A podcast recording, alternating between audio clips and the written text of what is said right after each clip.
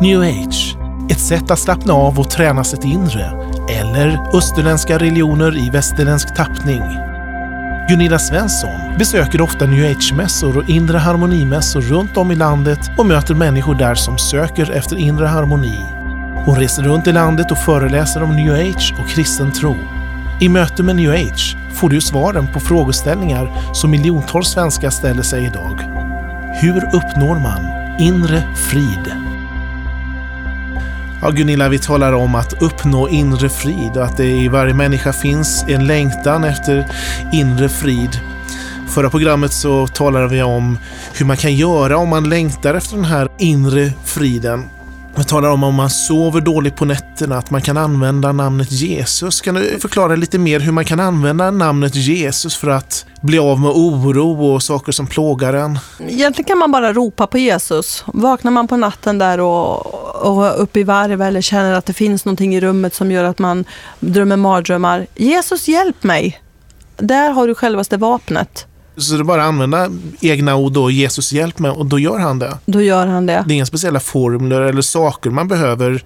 Be- Behöver man ha en bibel och lägga handen på bibeln eller Jag brukar ta min bibel och krama den och lägga den på bröstet ibland om jag har känt mig orolig. Eller, Tack Jesus för ditt ord får vara över mitt liv. Tack Jesus för ditt beskydd. Och sen brukar jag oftast sova gott. Men det var faktiskt en kvinna som kom på de här inre harmonimässorna och så fick hon ett bibelord.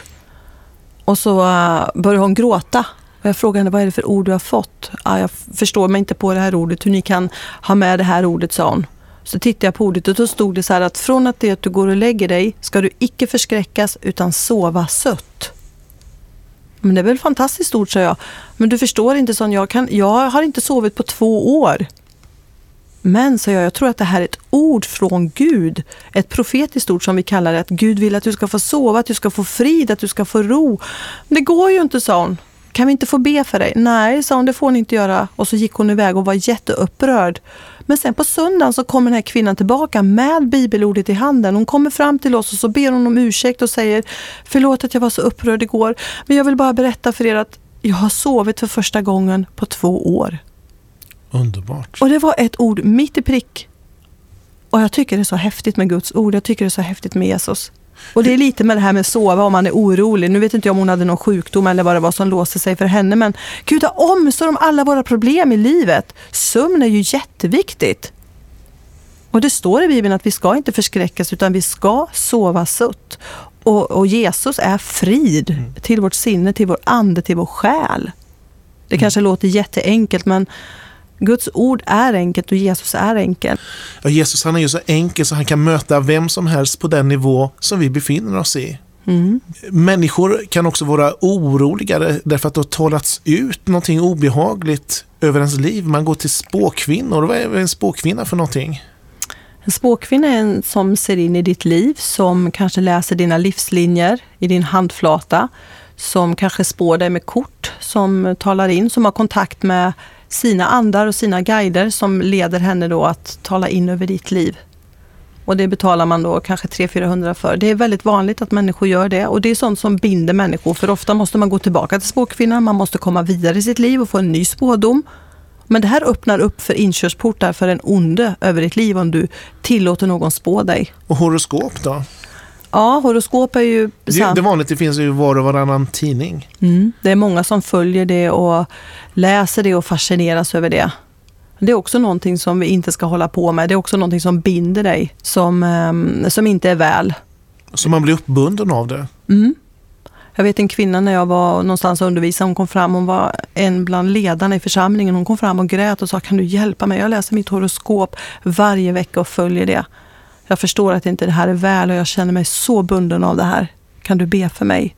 Och hon fick avsäga sig det. Hon fick faktiskt be, förlåt Jesus att jag har följt det här horoskopet. Jag vill inte ha med det att göra, jag avsäger mig det. Jesus rena mig med ditt blod. Och där bröts det någonting över henne när hon erkände det och när hon omvände sig och bekände sin synd. Så låt oss säga, om jag nu har gått och spått med eller följt horoskop och så känner jag att det är ett obehag över det. Mm. På vilket sätt kan jag göra mig fri från det? Jag kan ju tycka att är man lite ovan att be och inte vet, men man ändå känner ofrid över saker och ting och det här är inte bra över mitt liv, då kan man ta hjälp av någon kristen. Det hade jag tyckt som kan leda en i en förbön och som man får be efter. Det är ju därför vi är här. Ja, precis. Precis, man kan kontakta oss genom adressen som kommer efter programmet till exempel. Exakt Tobbe. Ja. Men känner man sig trygg och har en relation med Gud men bara halkat in på sådana här saker, för jag menar andevärlden är stor och ibland gör vi saker som vi kanske inte förstår förrän efteråt att det här påverkar mig negativt. Jag har blivit befläckad med någonting som är orent. Då kan man ju bara förlåt Jesus. Du kallar det orent. Är det orent att spå sig och att läsa horoskop?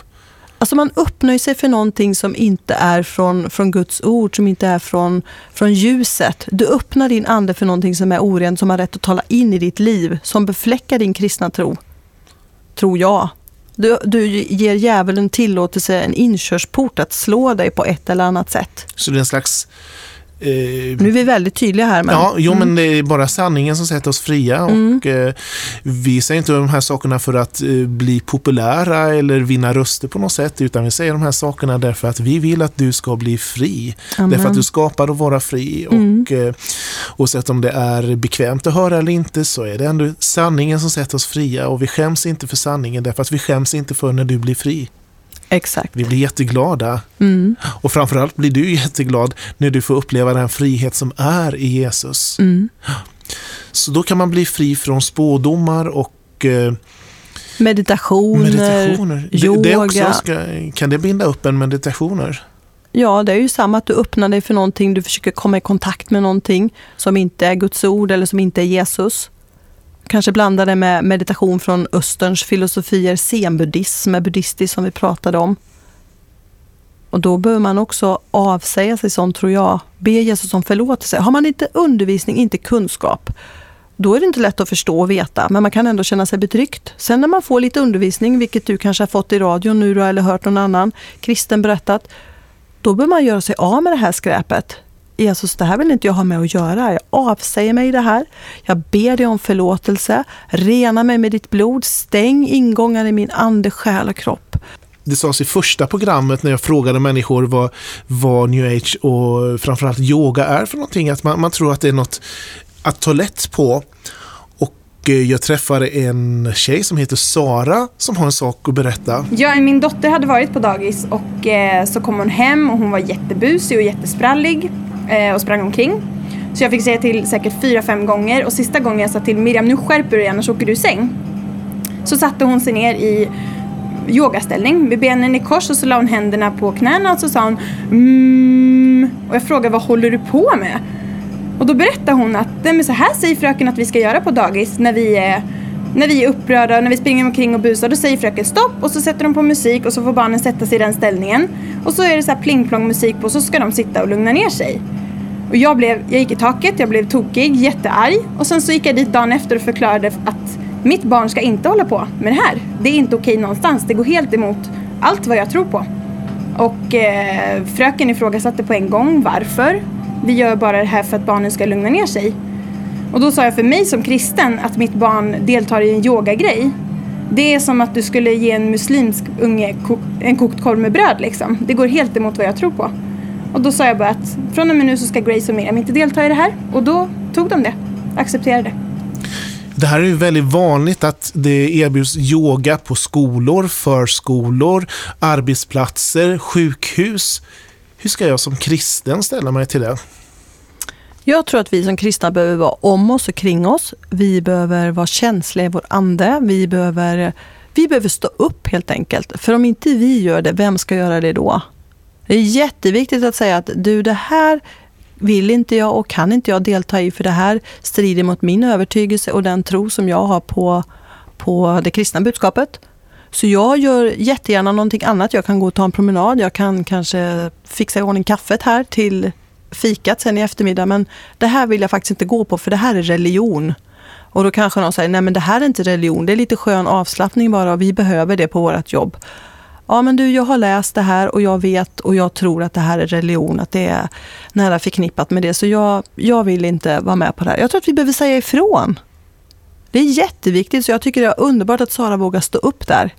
Jag har faktiskt, jag jobbar ju som lärare och man släpper ju eleverna efter när de har gått ur nian.